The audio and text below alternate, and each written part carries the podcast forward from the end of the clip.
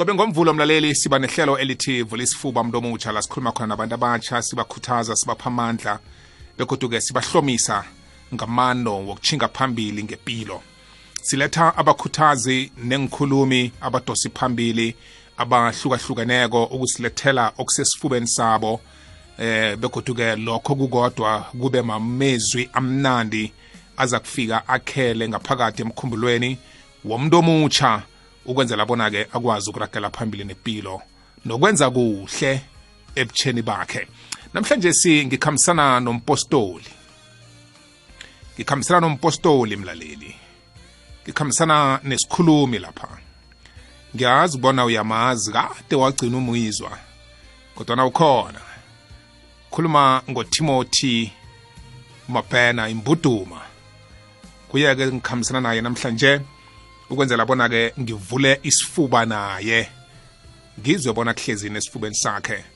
Kodwa bese ngitholile ukuthi siyokugijima phezu kwe komongo namkha i-theme yokuzikhalima khalimeka nokukhalinywa.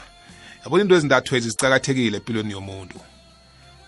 Ukukhalima khalinywa nokukhalimeka. Ukwazi ukuzikhalima wena kube nabanye abantu abakhona nokukukhumbuza ukuthi uyakhalinywa. Bowukhalinyimeke ngoba lezi zinto endathu lezi na ungacala inkutana eziningi ezikhona ukuphumelela empilweni zibe nabantu ababakhalimako. Nazo ngokwazo zaba nokuzikhalima begodu zakhalimeka. Kungakho namhlanje sikwazi ukubagidinga labantu laba. Asibagidingi ngoba banganayo imichapho ngokuthi nabo ngokwabo bababantu kodwa bazwisisile ukuqakatheka kokukhalimeka nokukhalinywa nokuzikhalima empilweni. Ngikwamukele mpostoli ngikulotshise ngithokoza kukhuluma mbala bona sibe soke ehlelweni. Bobo the beat ngiyanilotshisa namhlanje um estudio. Ngilotshisa eh, ngiyalotshisa mthombothi um eh dala sagcinana and um, I say greatness greets you today and salutes you. And ngilotshisa bonke abalaleli eh emakhaya. Umlaleli emakhaya ngiyabalotshisa ebizweni likaJesu. And ngiyazi ukuthi namhlanje eh siphethe ezikulu ezimaphorotla eh ezimabhombo siphethe into ezikulu namhlanje zizobuya. So umuntu omutsha okhona abantu abadala ababeregako um eh abasembereka khona abantu ababereka manje nasijula lapha em endleleni ku-N4 sithola abanye babereka amaphoyisa abereka abavulela ama-radio um so wonke umuntu umamele namhlanje ngiyamamukela futhi ngiyalothisa ngebizo elinamandla likajesu kristu. Amen. Amen. Ngiyathokoza mpostoli bona sibe soke namhlanje. Ngileli hlelo-ke kulapha siphakamisa khona umuntu omutsha simupha amandla simhlomisa ngamezwi akhuthazako. Umphatheleni namhlanje. Bobe the beat ngizokuthinda izinto lapha nalapha ngibona ukuthi em ngoba mina ngumprofeti futhi manje ngikhamba ngihola umoya manje. Engizokukhamba ngizwe ukuthi umoya ungiholela kuphi? Ubhebheda la uthanda khona so sizakubona ukuthi umoya usole laphi namhlanje the beat ya ya ngoba eh umsebenzi enikelwe wona usuke uthi uhlele ngalindlela kodwana umoya ukutshele ukuthi a eh lokha asikulise nje sekunento ecakathekileke kufanele ukhulume ngayo. Yeah yeah yeah mara ke bobo the beat ngiba ukuthi sithome la yeah yeah um umehluko phakathi kuzimu nosathana yidiscipline. Ya ukuzikhalima. Yeah ukukhalimeka. Ya umehluko. Into eyatshintsha usathana ebeka ngulucifer enamandla. Eh ibhayibheli nalikhuluma ngaye lithi akekho ebekakhamba eh esihlakanipheni njengaye. Akekho beka nomkhumbulo obufana nowakhe. Akekho bekanamandla afana nokwakhe. Akekho uzimo ebekamvumela ukuthi akhamba akhambe nozimu akhambe akhambe ezintabeni zikazimu ezigcwele umlilo akhambe emhlabeni akhambe ezulwini akhambe ngaphasi kwamanzi. Eh eh likhuluma ngendlela bekakheke ngakhona athi nakavela indumiso ivele ezulwini. Bonke abantu balotha uzimu izingelosi zilotha uzimu izidwala zonke emhlabeni nasezulwini nangaphasi komhlaba zilotha uzimu ngoba lo muntu bekangekho obekafana naye. Okungathi eceleni lika hlani kwazimu nguye ebekafana exactly nozimu. Ngamandla ngobukhosi ngokuhlakanipha nakho konke lo muntu wayefolo kanje eh, ingelosi le ebekulucifer usathane eh angakabe usathane uye ebekakhamba. Kuko kokuzimu ayikho kuko kokuzimu anakho kuko kokuzimu angakwenza. Umuntu ebekanamandla okwenza konke lokho bokungulusifa kodwa into eyamehlukanisa yamtshintsha ukuthi namhlanje la kukhona khona ukukhanya khona ngoba igama elithi Lucifer lisho ukuthi light bringer lo olethu ukukhanya hmm. eh, eh, eh okhamba ekazimulweni kazimu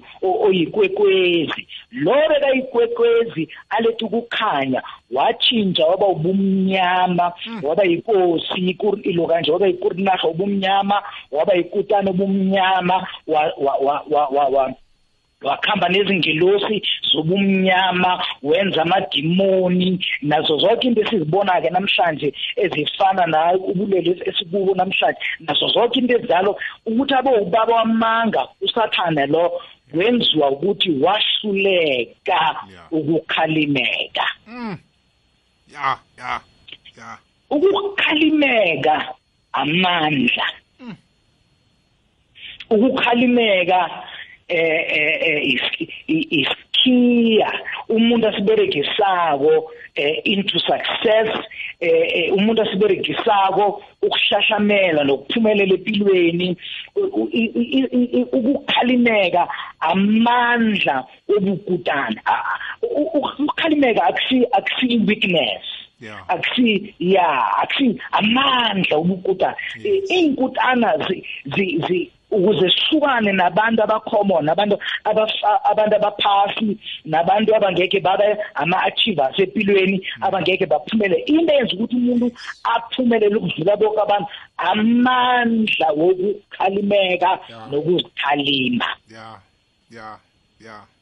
So eh, eh eh so namhlanje ngifuna ukuthi sizoqala incwadi enye lapha hmm. eh, kuJobe siveze ukuthi uJobe yini into eyamenza ukuthi abe the richest man in the world ngesikhathi sakhe nokuthi sekuthathwe yonke into kuye aphinde abuyele ukuthi uzimo amshashamelisa futhi ambusise amnikeze konke bekanako bese iBhayibheli lithi eh uzimo ambusisa twice as much. Washashamela ukudlula ekuthomeni eh, eh then if if bekunguye ebeka rake leso sikhathi leso sokuthoma for angakalahlekelwa imfuyo yakhe nefamily yakhe nama assets wakhe nezimali zakhe uma uzimo sekambusisile beka rake kangakanani na? Kodwa yini into yenza ukuthi uzimo ambusise ekuthomeni aphinde ambusise kakhulu ekugcineni? Hmm. amandla okuzikhalima. Umkakhe nashilo ukuzikhalima athi thukuzimu uJobe waba namandla ukuzikhalima. Uba abanye babuya abangani bakhe bamtshela ukuthi eh wena wenze lokhu naloku uzima ukuthile azange alandele influence yomkakhe azange alandele influence yabangani bakhe azange alandele influence yabomakhelwane hmm. eh, eh, eh noma ibapha abazomlethela izindaba ezimbi. Hmm. into eyenza ukuthi uJobe ahluka ahluke kubo bonke abantu bebakhona lesasikhathi amandla ukuzikhalima nokukhalimeka wow so ngibawa sivule umbulo kanje um iBhayibheli la kulo kanje um uchapter 36 uJobe. And then ngizo ngizo ngizophela lapha kuJesu um siqala uJesu ukuthi yena uthini lapha encwadini uJobe chapter 36 sizokufunda from uma singayithoma lapha ku5 ukuze abantu bayi understand siye ku verse 14 siyibethe ngesindebele iza iza ngikufundele yona mpostoli. Qalani uzimu unamandla begodu akanyazi umuntu. Yena Yeah. unamandla amakhulu ukuzwisiseni. Abakhohlakeleko akabagqini baphila kodwana Hmm. umela abagadangelelweko. Akawasusi ama- amehlo akhe kabalungileko. Ubahlalisa namakhosi esihlalweni sawo. Bagcinekile begodu bayaphakanyiswa. Nakube abantu babotshwe ngenketani bakhungwa ngendambo zobuhlungu uzimu ubatshela lokho abakwenzileko ngitsho nemphambeko zabo kobana banezenzo zelunya. Ubenza bayelele bonyana uyabakhalima Mm. uyaba uya, abayale kobana baphenduke kokumbi Mhm. nakube bayamlalela bebamlotshe bazakuhlala emnonweni imihlabo yonke Hmm. bakhombe ngophakathi iminyakabo yonke. Kodwana nakube abalaleli bazakubhubha ngomkhondo bafe ngokuswela ilwazi. Mm. abanganazimu ehlizweni bakhubukela itukuthelwakhe. Abalileli abalileli isizo kuye lokha nababa nababophako. Yeah. bafa basesebatsha Ah, bafa basesebatsha impilo yabo isathambile. Mm. uzimu usindisa ngobuhlungu abahlunguphaziweko iye. Uvula Am- indlebe zabo ngendelelo. Mm. La uzimu ukhuluma ngamandla wokukhalimeka. Uzimu la iBhayibheli kuverse 5 lithi unamandla and uzimu unokuhlakanipha. Bese lithi nguye ogcina impilo yomuntu kuverse 6. ya bese kuverse 7 lithi uyabaqala bonke abantu abaziphatha kuhle abantu abane-discipline. Lithi amehlo akhe akasuki kubantu abane-discipline nabantu abalungileko. Bese lithi eh la sifunde khona lithi ubenza ukuthi babe amakhosi. Babe zinkutana abantu abanjalo bese lithi uya eh, eh, uyababeka ukuthi babe khona kuze kube phakade abaphakamise bese kuverse 8 uthi eh eh eh eh, eh, eh, eh, eh, eh, abantu abangafuni ukukhalimeka uthi bazongena bazobekwa bazofaka in- impilo ngayo amaketange la ezinyaweni nasezandleni kusho ukuthi bawuhlala basejele njalo bangena baphume ejele abantu abangafuni ukukhalimeka bese lithi bohlala beboshiwe babe izigqila zabanye abantu nezizwe ezinye emhlabeni uma bangavumi ukukhalimeka bese uthi ku-9 bese ethi bonke labo bantu abangafuni ukukhalimeka ba- bangena babe abantu abasebenza imisebenzi yobubi nemisebenzi yobumnyama. Bese kuverse 10 uthi lapho lithi uyavula izindlebe zabantu ukuthi bakhalime nguye. Nayinto elifuna ukukhuluma ngayo Ba- uzimu uyazivula izindlebe zomuntu ukuthi amkhalime and amfundise ukuthi aphume ebubini. Uma umuntu angaphumi kuverse 11 lithi umuntu loyo uma ap- angaphumi eh, eh, ebubini. Ngeke aphu angene kule mpilo kaziliphi impilo kuverse 11 athi yokuthi aspende ilo kanje a- aphile izim- impilo yakhe yonke or amalanga akhe onke ehlahlamela ephumelela ekhomba ngophakathi iminyaka yonke. Akathi akathi some iminyaka uzoba phansi or iminyaka uzoba lithi uzosuka emandleni uye emandleni usuke e- e- engcebeni uye engcebeni usuke ekuphumeleleni uye kuphumeleleni iminyaka lithi one year after another. Ngamanye amagama uzosuka from prosperity to to majesty ngoba uvuma ukuzidiscipline Yeah. so amandla kuloko kanti ku- kuverse 14 uthi bazofa basese abantu abatsha uma bangavumi uku uku- uku- ukudiscipline manje uSolomon wa wa wa wa- wakhalinywa eh ku- ku- ku- naku even naku chapter 27 uthi uzimo nakhuluma noSolomon athi Solomon ngiba ukuthi ngikulethe uqale nayi project. Uthi nayi le project le ngiba ukuthi kule project uqale ukuthi ngibereka kanjani? Yeah. Uthi uzimo nakhuluma kuye eboko David athi eh eh eh eh, eh, eh, vulani indlela la in- indlela ingekho. Vulani indlela entabeni. Usokumuntu uyakuyela ukuthi amadana nathi aphelile and then indaba ayikwazi ukusikinyeka. Asikwazi ukuvula indlela. Uthi uzimo okay fine.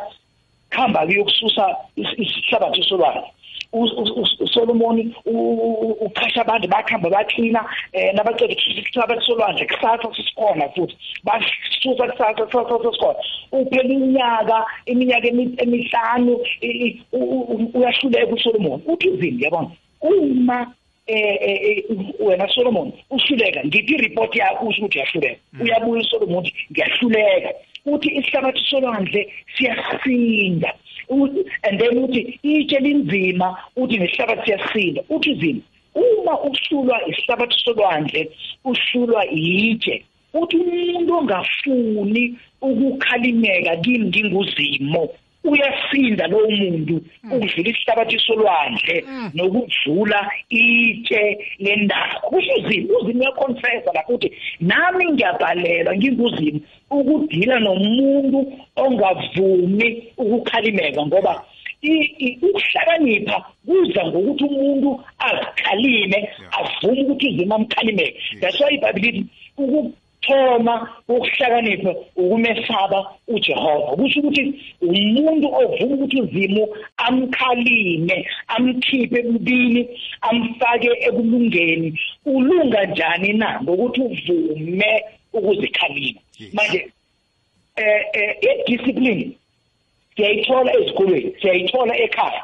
Kodwa akukho amandla wokukhalinywa afana nokuthi umuntu yena azikhalime azikhalile ah. Manje ngifuna ukuvala ngalamagama bobo the beat iBhayibheli lithi ku ku Philippians ngoba sePhilippi chapter eh chapter chapter 2 verse verse 5 ke siqale kusinya 4 ngizovala. Chapter siya 5 um or si asithome asibambe uchapter 2 eh ke sibone. Chapter 2 verse 5 siyiphendla mlaleli. Ngoba sePhilippi ncwadi kwebese Filipi indima yesibili. Eh indinyana kuzaba ngu5 angithi? Yeah yibani nomkhumbulo onjengalowo ebegade uKristu Jesu? Owathi nanyana gade anejamo lakazimu azange azilinganise nozimu. Njengo njengento yokuphangwa. Kodwana wazehlisa wathatha ijamo lekhoboka wabelethwa njengomuntu wafunyaneka anejamo lomuntu. Wazithoba walalela walalela bekwaba sekufeni ngitsho ukufa esiphambanweni. Okay. Nakaqeda ukulalela nokuzehlisa avuma ukuthi uzimu amkhalime akhalimeke avuma ukuthi akhambe ngendlela kazimu. Wenzakalani? Apha ama results qhubeka. Verse 9 verse 9 ngalokho uzimu wamphakamisa. Ah kwenzakalani bobo dipiti wenza njani wamphakamisa wamnikela ibizo elingaphezu kwamabizo wonke ha. Qhubeka. Ukuze kuthi ebizweni lakaJesu wonke amadolo aguqe hmm. walabo abasezulwini yeah abasephasini yeah nabangaphasi kwephasi. Yeah namalimi wonke avume bona uJesu Kristu uyinkosi kube lidumo lakazimu ubaba. Ngiyakhuluma ke nami bobo debit namhlanje ngithi kukhona abantu abangeke baze bakalokanti baze bakukhothamele until ukhalimeke ya. Kukhona izindawo kufanele ukuthi ungene kuzo emhlabeni. Ah. uzima avule iminyango zanke ivuleke. Ebhaliwe yavalelwa abaningi ngoba baye bahluleka ukukhalinywa Ya. kodwa uzima kukhona abantu ababekile emhlabeni ababekile ukuthi bakwazi ukuthi bavulelwe abantu abakubhizinesi abantu abangama-students namhlanje abantu namhlanje abase- abasekeregeni abangabafundisi nabalandeli abahlulekayo ukungena kuma-premises kazimo ngoba bahluleka ukuzikhalima. Kodwa uma abantu bazovuma ukukhalima amadolo azoguqa uma abantu bazofuna bazovuma ukukhalima imilomo izovuleka batsho ukuthi ngempela uzimo umthudu bazile ubafana uzimo umthudu bazile usibongile uzimo umthudu umthudu bazile umasilela uzimo umthudu bazile umabhena. Kukhona abantu ofanele ukuthi bazokulotsha balotshe nozimo ngoba bambonile ngempilo yakho. Kodwa into enza ukuthi uzimo ahleke ukuthi alotshwe ngempilo yakho awuvumi ukukhalimeka Yeah. ungakhalimeki ungakhalimeki kwenza abantu baba ama-failures empilweni ungakhalimeki kwenza ukuthi abantu baba ama-underachievers empilweni ungakhalimeki kwenza ukuthi abantu babe limited empilweni ungakhalimeki kwenza ukuthi abantu bangabi nama-breakthroughs empilweni uma ufuna ukubona i-breakthrough uma ufuna ukuthola uzima akuphakamisa Yeah. uma ufuna ukubona uzima akuchudubaza akuvulele iminyango engazange yavula before. Vuma ukukhalinywa. Ngoba uma ungakhalimeki uyasinda njengesihlabathi solwandle ubudisi njengehlo lendaba. Uma ungavumi ukukhalimeka khalimeka muntu omutsha kune-destiny ekumele khalimeka thatha isikhathi sakho. Abanye abantu nak- abashona phasi phezulu ba- balibele ngale sikhathi secorona. Ngena ezincwadini zakho ungene uthathe ibhudango lakho ulibeke phezulu ebodeni uziqale uthi in five years time i must be a multi millionaire Yes. ukuze ngifikelele lapha ngifanele ukuthi ngizidiscipline ngizohlala la ngifunde. Abanye bayokuhlela ngizofunda. Abanye bayokujoba ngizokufunda. Abanye bakuhambela umnandi ngizokufunda. Ngizo-research ukuthi abantu benze njani ukuthi bebe ama-millionaire ngizoku-research ukuthi kwenze njani ukuthi abantu babe nendlela yokuphumelela ufunde kubo wenze njengabo benze nawe uzokuphumelela Yeah. ukuzikhalima is the greatest key in life. Eyenza ukuthi uzimo amqale umuntu onjalo amenze aspende isikhathi sakhe the days in prosperity and the years in abundance. Wow. Wow. Wow. Postoli postoli. Hayi hayi hayi hayi let at night yona nemkhumbulo bokhala ukukristu nobe khona nakini uma ujesu wazehlisa wavuma ukukhalimeka. Yeah. nawe khalimeka. Yeah. nawukhalimeka uzokuphakanyiswa. Nawukhalimeka abantu bazokunyeza bazobona ngathi uyazehlisa. Bazokunyathela bakukhohlwe ba- ba- ba- ba- badlale ngawe kodwa manje kuzikhalimeka ukukhalimeka wonke umuntu ovumile ukukhalimeka akapheleli phasi. Uyofana nojesu uzokuvuka. Noma sekafile uzokuvuka. Noma sekanqatshiwe uzokuvuka. Noma sebalibele ngawe uzokuvuka. Noma sebakuhlekile bakukhafulela bakubetha bakwenza inhlekisa. Uzokuvuka. Kukhona ibhudango lakho elizokuvuka after three days of death why amandla okukhalinywa akabanjwa ithuna wow. Yazi ungivezela enye indaba ekulu namhlanje impostoli ebekade ngingakayichechi eh ngicabanga ukuthi nomlaleli ekhaya uyizwe ngendlela nami engizwe ngayo. Ngikubuyisela la uthome khona ukuthi umehluko phakathi kwakazimu nosathana. Kwaba ukuthi usathana khanga afune ukukhalinywa azange afune ukukhalimeka. Lokho kukodwa kwamchugulula kwamkhupha ebukhosini nesigodlweni sasezulwini kwamphosa phasi ekutheni aphume ekubuseni. Njengoba namhlanje simbona ngusathana nje. Yeke lokho kutsho ukuthi ukukhalimeka kuyinto ekulu kithi kusimbethe kwasekubelethweni kwekukhulisweni kwethu eh kiyo yonke imikhakha yempilo ngoba namhlanje ngikhamba nawe impostoli ngi- ngithanda ukufanisa ngo-adamu no-efa bebanikelwe umthetho ebekufanele bakhambe phezukwawo ngenxa yokubhalelwa kuzibamba ukuthi bakhalimeke kwagcina kwabenza ukuthi bawe. Esivumelwaneni sakazimu baphuma esimini ye-edeni uzime bekabaphe yona ababeke kiyo banelifa lonke baba ngaphandle kwelifa uzimu ebekade ababeke kilo. Lokho kukodwa kuveza isithombe sokuthi yinye into ebenze ukuthi bahlukane nalesi sivumelwano. Kubhalelwa ukuzikhalima. Nangingakhe silethe esithombeni somuntu omutsha nangabuyela mhlambe engikhathini zakho zesikolo ucale abafundi ebegade bangamlaleli uthichere bangamhloniphi bazenzela izinto zabo ngendlela bona bathanda ngayo bangafuni ukukhalinywa. Nawubacala namhlanje sowumkhulu ukuthi impilo yabo injani wena ngokulalela nokufunda nokuhlonipha uthichere nokuthi ukuphi namhlanje? Lokho kukodwa kuyasivezela isithombe sokuthi ikulumo yethu yanamhlanje inamandla angangani wokuthi nawumuntu empilweni. Khalimeka.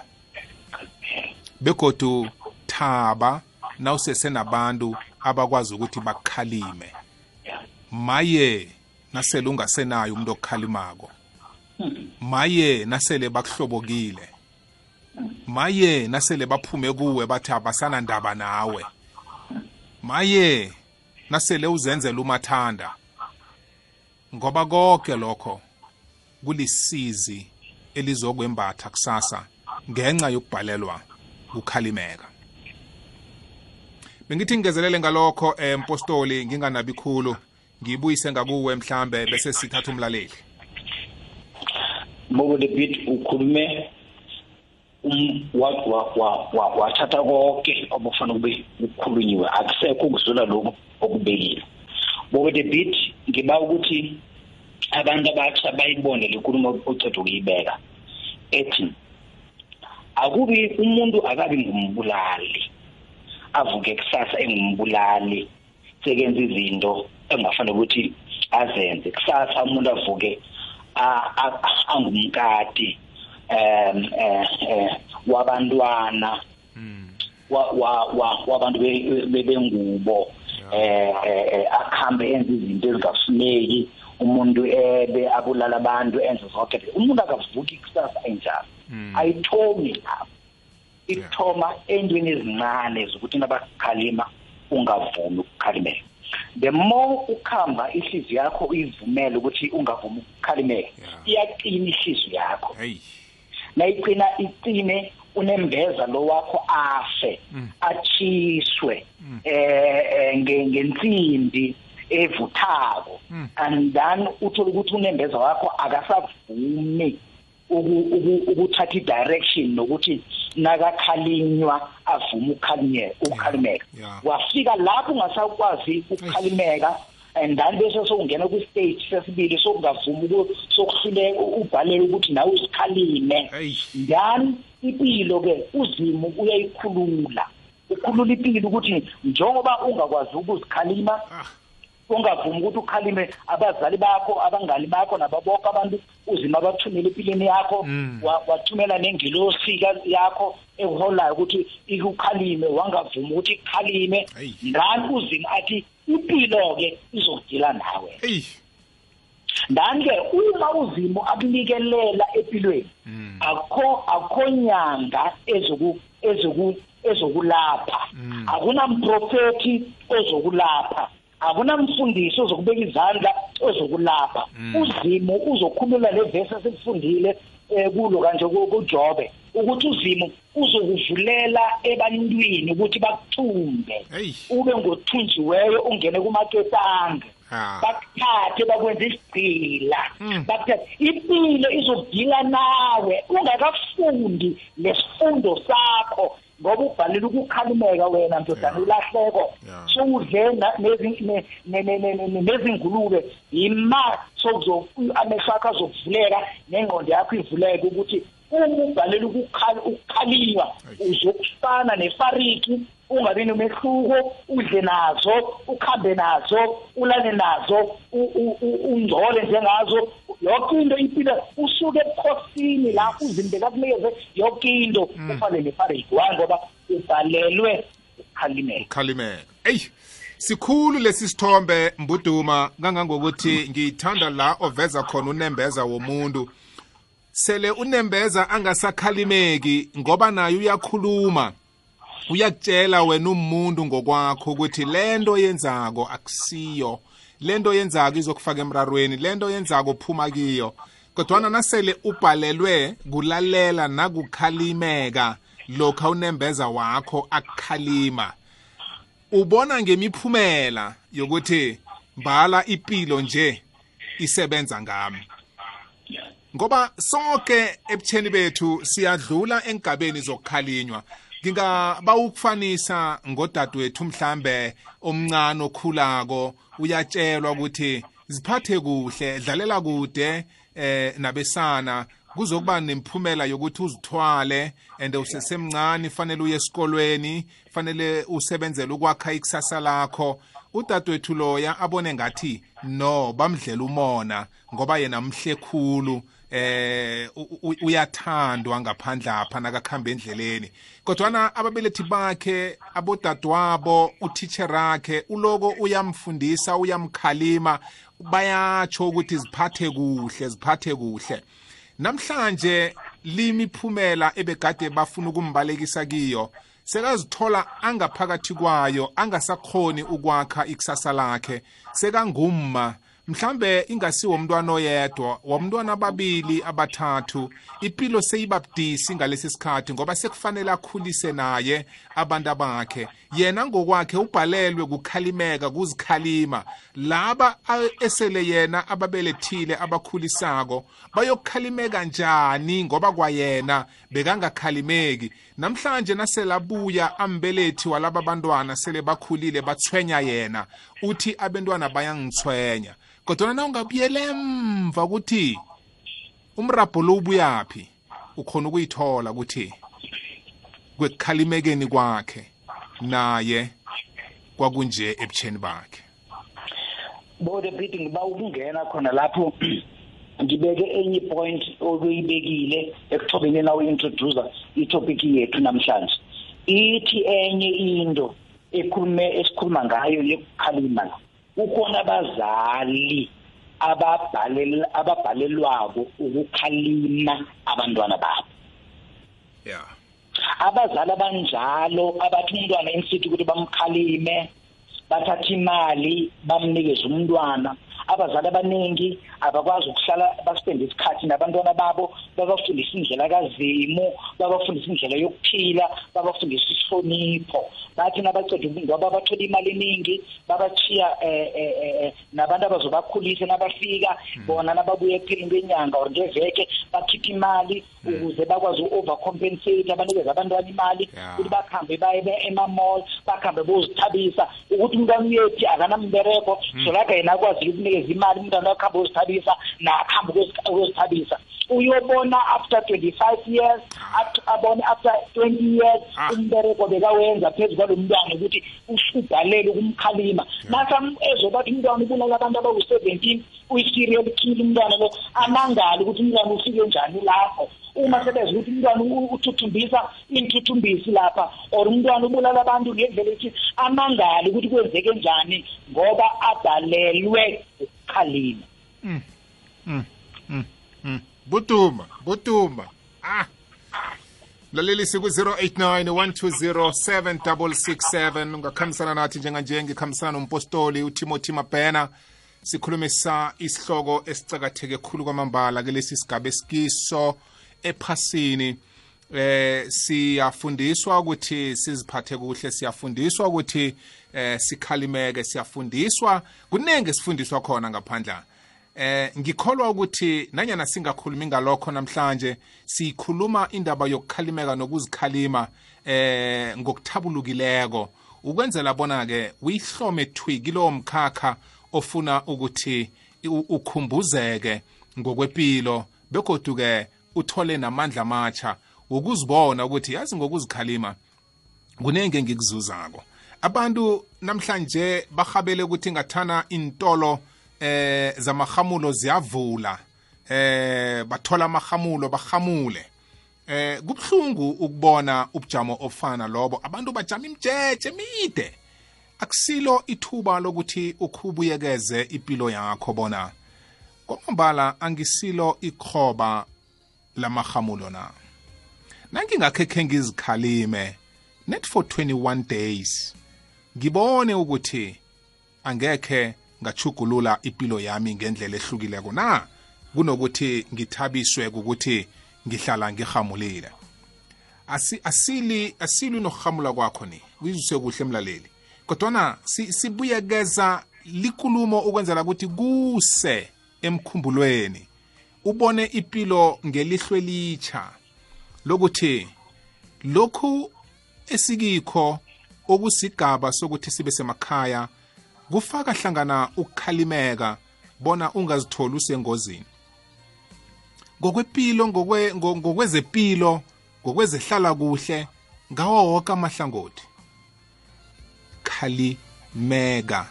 Ukukhalimeka kuba nomvuzo omuhle. Kusasa.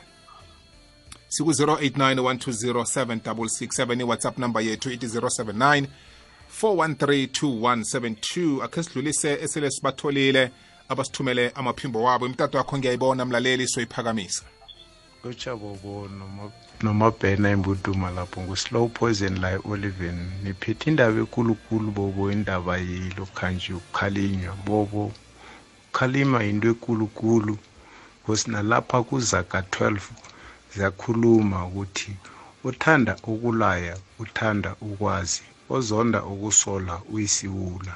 Mina bobo ngikhulele ngaphasi kwabazali beba-strictly khulu babeka umthetho bobo ukuthi nawe ubone ukuthi la ucabanga ukuthi mhlambe nawe mhlambe bakuzonda kanti hayi bayangithanda. Mina uma beka very very very very strictly bobo. Angifundisa yonke into ukuba discipline ukuthi kufanele ngizivasele kufanele ngihloniphe. Nangibuya esikoleni ngivasa impahla zami zesikolo. Nanoma hobo ngenzani bekangikala angafuni ukuthi ngenze izinto ezisinaks eziphume endleleni. Nanje ngiyathokoza bobo because nginje nje nje ngenxa yakhe. Ngingathana zange ngimlalele bobo. Nangazi ngangabe ngikuphi yeah futhi ngikwazi ukuthokoza nomunye umuntu owangikhulisayo ngoba mina bengungumuntu othanda ibholo peter dinaros mahlangu mm. lapha ekamera feri yeyi lo muntu lobo bekabetha beka very very discipline angafuni ukuzwa next mm. njengingucoach bobo ngicoach abantwana la e-oliven wow. nami vele ngikhamba kiyo le ndlela leyo bebangifundisa yona mm. strictly bobo ngiyakhalima vele nje ngoba nginabesana nje engibapromotako mm. badlala kubo-supersport abanye badlala kubo-pretoria university yeah. ngenxa yani yediscipline yes. la ngibuya khona bobo yes. ngiphekiwe yes. ngiphekwe abantu yes. beba very very very discipline uma wami nopeter dinaros mahlangu ekamera feri ngiyathokoza bobo nawe mbuduma mapeni hlokosini siyangakha siyangikhuthaza ngiyahluka khulu nanikhuluma ngalelo sithokozile mna kwethu sithokoze ukukhuluma mbalo ukuzwa ngakuwe. Hayi bobo kunjani sikhona. Uchisini isivakashi esisemhathweni aha. Bobo mina amahlelo akho ngithanda ukutsho ngithi amahlelo akho ayangibusisa futhi ayangakha. Sithokoze. Since ngathoma ukwamamela kunala ngakheka khona kunala ngisuke khona ngaya khona and ngithi pick up kulokho. Sithokoze. Ngibuyele esihlokweni senu sethu sanamhlanje bobo. Bobo yazi sometimes into le iba kayithu ne? Na ukhalima umuntu thoma wena uzicale izenzo zakho indlela okuhamba kizo before uzo ukhalima umuntu. Yes. Mkhalime umuntu wazi ukuthi wena wenza okuright wena izinto ozenza zi-right yeah. Uzokhona ukuba yisibonelo kuye. Mm. ungakhalimi umuntu ekubeni wena izinto ozenzako azisi-right yeah and kuba na-that point yokuthi na ukhalima umuntu umuntu abone ngathi like uyamcontrola ugcinise uyisitha sakho umuntu agcine angasa- angasakhulumisi or ningasazwani ngendaba okuthini ukuthi wena uyamkhalima or abone ngathi wena uzenza ongcono because of wenzani uyamkhalima. And lokho hayi ukuthi like ukuzenza ongcono ukuzama ukumbonisa ukumbonisa indlela ukuthi akuhambe ngayiphi indlela. So abanye abantu nabakhalimako kubo esikhathini sanje umuntu ovela ade azini lo uzenzo ngcono or umuntu abone ngathi like uyi-control freak yabona? So mina engingakutsho khalima umuntu kayi-one. Ungamkhalimi loku umkhalima kaningi mtshele nje like kayi-one. Nakazwile uzwile bobo. Nakangakakuzwa akakezwa ngewakhe lokho. Uzobona ukuthi into obomtshela yona ri kusasa naseyimenzakalela into obomkhalima kiyo leyo uzobona ukuthi yazini umuntu oso wangikhalima ngine sozange ngimamele and bese enzeni alile ngongathana of which kube like wakulalela or ukulalelile nawumkhalimako so ngiyathokoza bobo mina ihloko senu siyangibusisa futhi ngiyasizwa kuthi like nasakha uyangakha bobo angifuna ukukhuluma manga uyangakha. Ngiyathokoza. Ngulindiwe manje ngisejobeke ngokumbereko but ngokuhlala ngisedwefontini thokoze khulu bobo. Thokozile thokozile lindi. Benobusuku obumnandi kuleyo ndawo. Asizolandelako emtatweni? Alright lapha kunabantu. Siku-089 120 7667 sihlabele phambili namaphimbo wethu esiwamukela ku-whatsapp. Sizobona kwemlaleli wena uphawula uthini ngekulumo yethu namhlanje ngoba likulumo esikhuluma ngayo. Ayisingiyami ngedwa ayisingiyakambuduma yedwa. Ingeyethu sonke sikhuluma ngendaba yokukhalimeka. Sicala ukuhlomula okuhle okungaphakathi kokuthi umuntu akwazi ukukhalimeka begodwa uzikhalime nawe ngokwakho. Eh nawungacala inkutane eziningi inkutane eziningi eziningi. Kuyo yonke imikhakha yempilo kusuka kupolitiki ukuchinga kwezemidlalo eh ukusebenza ukufunda nanyana ngiwuphi umkhakha ongakhe ongene kiwo. Bonke abantu abavela bazinkutana lapho kunamahlelo abawalandelako wokukhalimeka wokukhalinywa nokuzikhalima. Ngoba bayazwisisa ukuthi ngaphandle kwalokho ngaphandle kokubamba into ekuthiwa idiscipline angekhe wafika ebukutanini ofuna ukufika kibo. Ngoba amahlongandlebe ngaso sonke isikhathi aphelele endleleni. Awakhona ukufinyelela empumelelweni abekelwe yona. Yeke kumnandi namhlanje ukuyizwa imbuduma iyethula ngalindlela yethula ngayo ikulumo yethu. Asizwe umlaleli wethu olandelako. Eh, sawubona msakazi. sithokoze. Yes.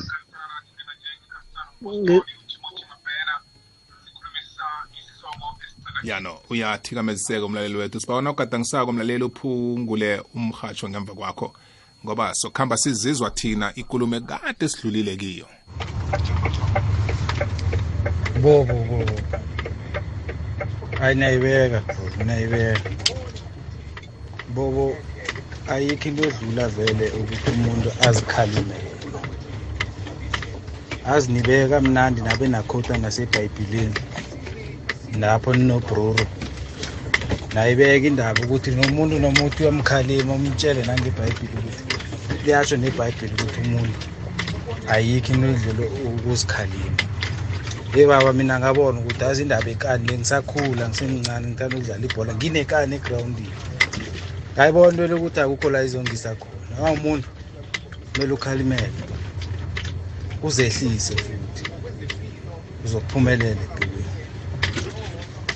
mina broro indaba ekani hhayi ngayilahla vele ngazitshela mina ukuthi azini uma ngimuntu khe ngikhalimele ngehlise nomoya. Kuthi noma ekhaya ba- bangikhalima ngithule ngilalele ngingabi umuntu ophendulayo ngingabi umuntu oba nekani ngibona ukuthi into abangitshela yona into erehe ngithathe la ngithatha khona. Awaragani madoda neyibeka. Ngiyasikhuthaza sithokoze. Sithokozile mna kwethu nawe utshayele kuhle lapho. Ngiyazi bona usemsebenzini ngalesi sikhathi. Ikwekhwezi siyakwamukela? Hayi bobo. Akwande kunjani? Yaphila njani? Nathi sikhona. Mabhena ngithabuzwa siyakwamukela mbuduma ya. Mani bobo umabhena loku wabeka khona.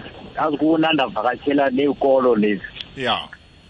Uyazananda athulele lizwa likhuluma ngazi ukuthi ngithi umfundisi or ngithi yini yazi ungena kulamasayidi wonke la uyakhuthaza kwenza yonke lento no mpo- Akuthi mpostoli mpostoli ubufundisi khona kuya khona. Ya ngiyabona ukuthi kukhona konke teknologithishere khona ya ya. Mani bobo yazi sinenkinga ngabantwana bethu. Yazi lo mntwana umkhalime. Mm. umtshela into nje avume nje. Na uqala le ujikile.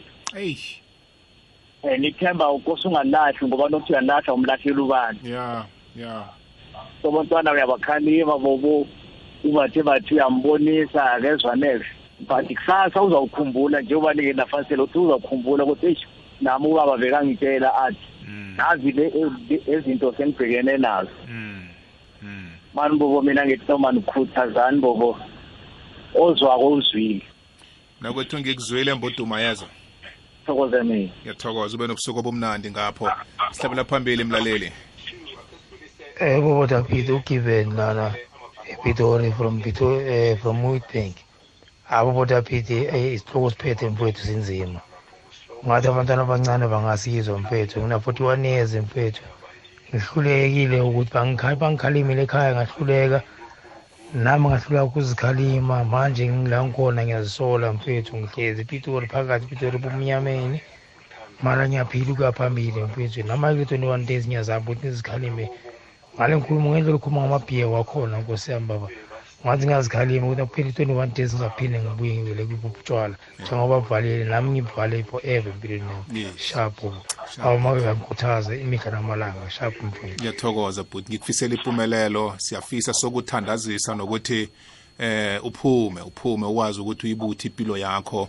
Eh uvele usidalwe sitsha nomuntu omutsha onamabhudango amatsha. 41 years usesenesikhathi eside mfana omdala sokuthi ungenza izinto zenzeke.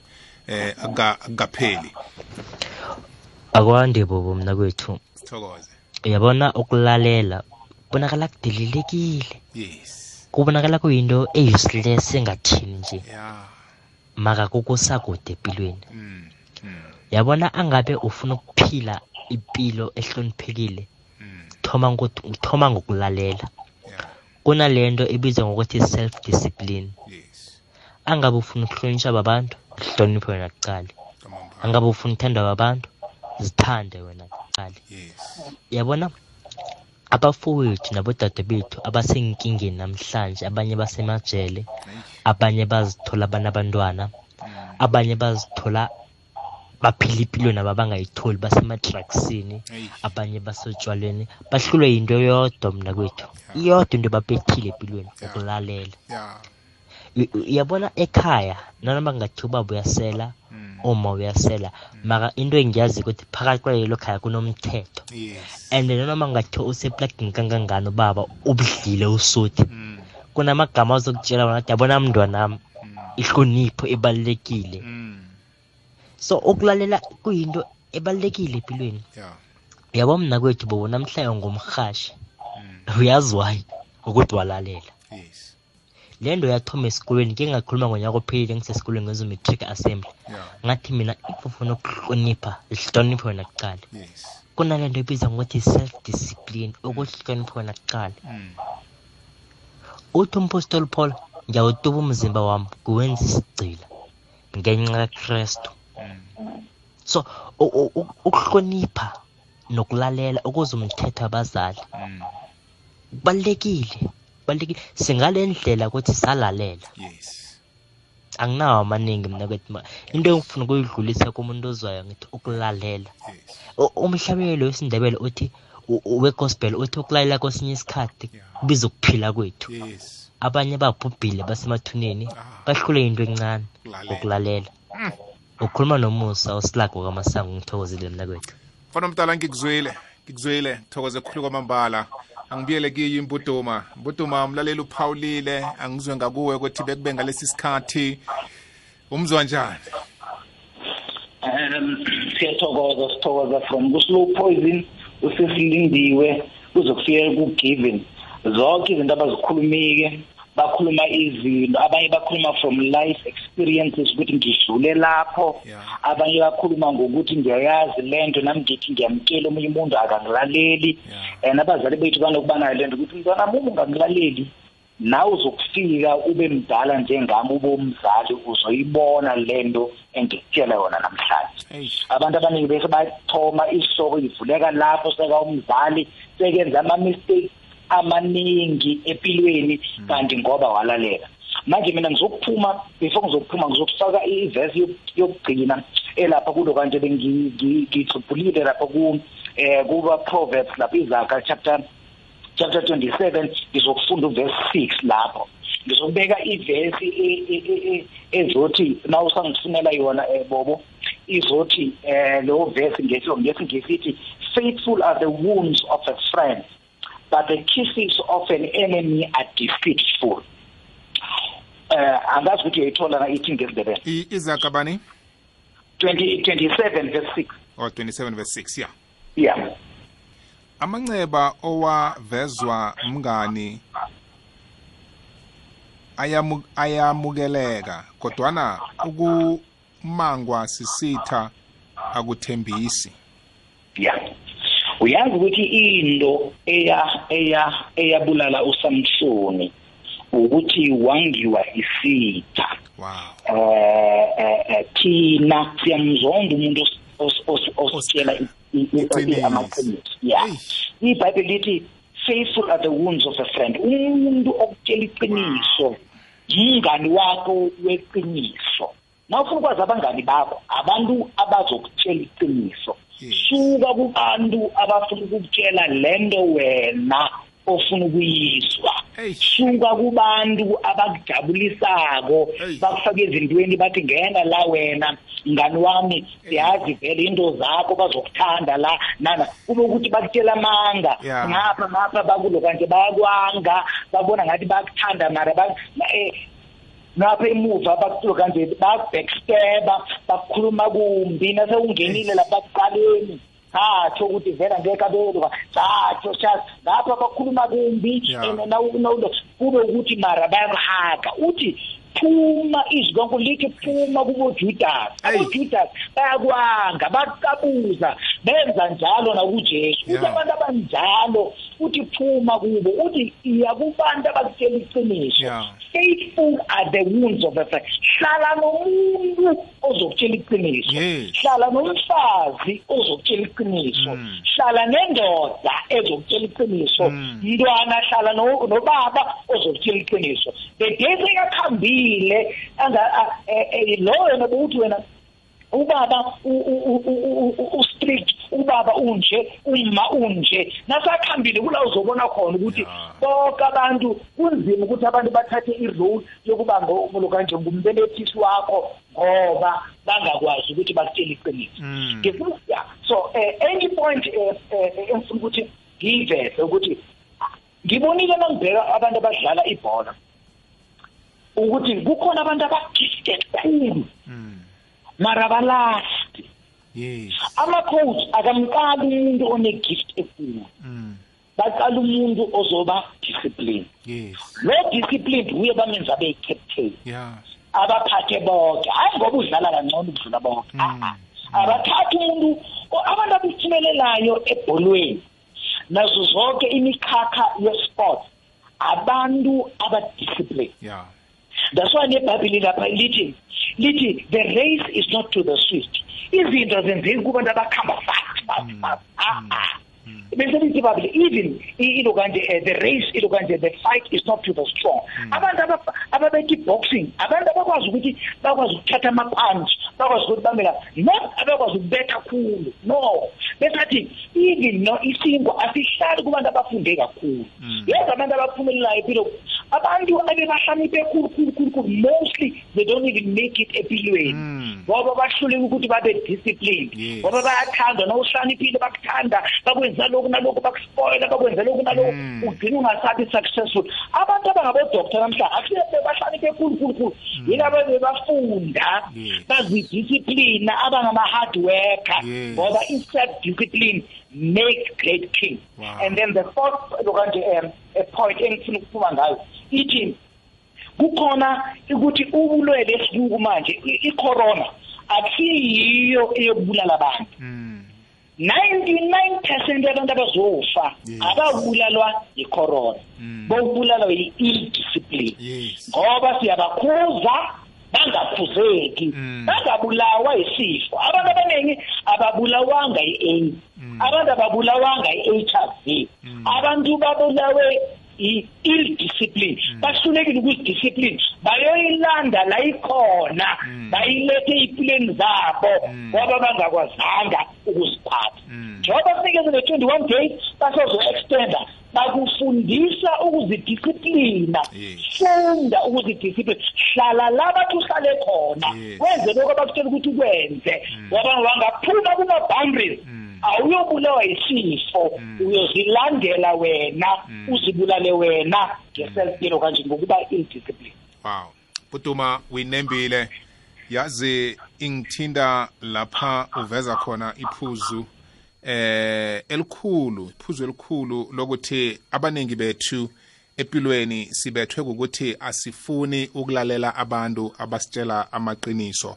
Kodwana sithanda ukulalela abantu abazenzisako basimange basikwakwazele basitshele ukuthi sikhona izinto kangangani. Kanti ikhisibe umnqopho wabo kusiphosela ngeweni. Kusiphosela ngeweni. Kuna kunabangani umuntu akhamba nabo abamkwakwazelayo ukuthi amngani yabona kunguwe wena mngani itafula uyayigcwalisa. And umuntu wakho lazazi ukuthi yena ikutana yokugcwalisa itafula. Kodwana namhlanje sekasebudaleni bakhe akanandawo yokuhlala kodwana imali eningi yaphela ekugcwaliseni amatafula. Yazi omunye namhlanje bebamkwakwazela bathi mngani wena umuhle khulu amasokana musahlanganyelwa ihloko nakuvela wena. Iye ahlanganyelwe ihloko kodwana ukuphi namhlanje? Eyi yabona kuningi esingakubala ngalokho kodwana-ke bese ngivezela umlaleli ukuthi batsheje abangani abakukwakwazelayo ukuthi bakukwakwazela ukuthi uyokuwela ngeweni. Sele uwele ngeweni bathi bona ikanti yena bekangaboni kanti yena kuba yini bekangazikhalimi bekafuna ukukhalinywa ngithi na? Yonke konke ukusolwa sekuphoswa kuwe mnikazi wena osele ucalene nomraro ngalesi sikhathi yeke ikulumo yanamhlanje ithathe njengesipho sasimahla sokuthi wow empilweni nami akhange khe ngibe nesipho esihle khe ngaphiwa umuntu kodwana likulumo engiphiwe ikwekwezi namhlanje isimahla begodi inqophile yokuthi ngifunde ukuzikhalima ngilalele nangikhalinywako ngikhalimeke. Impilo yami ikwazi ukuba yipilo enothileko. Mbuduma ngenxa yesikhathi ngizokubawa siyibambe la mhlawumbe amaphuzu wokugcina silisonge ihlelo lethu. Bobo ngiyathokoza ngibonga nami ngithokoza ukuthi ngingene ehlelweni. Amazwi ngifuna ukuthi ngikhambe ngiphume ngawo elo kanje emhathweni ukuthi um abantu mababe nengqondo a mindset of discipline. Um ukhulumile okhulumile wakhuluma ngendaba ukuthi i discipline my body but the biggest thing that must be disciplined empilweni zethu is the mind. Uma umuntu angakwazi ukudiscipline ingqondo yakhe umkhumbulo wakhe angeke akwazi uzokubhalela ukudiscipline impilo yakhe and then ne-future yakhe ne-destiny yakhe. Zonke zisesandleni sakho kodwa zicontrolwa umkhumbulo wakho. Discipline your mind. Nalithi ibhayibhile nalengqondo ujesu beka nayo lisho ukuthi walk in the discipline of, of the god ngoba iy'nkutane zikhamba zikhuthazwa ziphakanyiswa yi-discipline butuma bakutholaphi nabakufunako social media ku-whatsapp website contact number email. Enye nenye nje indlela otholakala ngayo. Kufacebook ngumathumba timothy mabena and um um kuloba nje kuyinumber zami umuntu nangathi zero eight four bese athi triple seven seven seven seven bese athi zero three two three.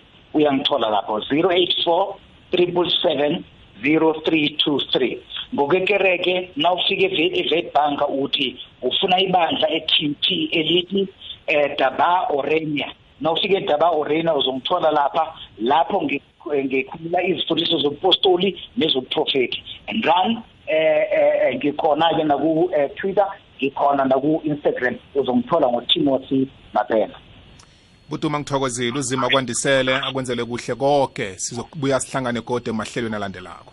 Amen. Sithokoze. Hake kutimothy mabhena mlaleli mpostoli ebengikhambisana naye elangena namhlanje.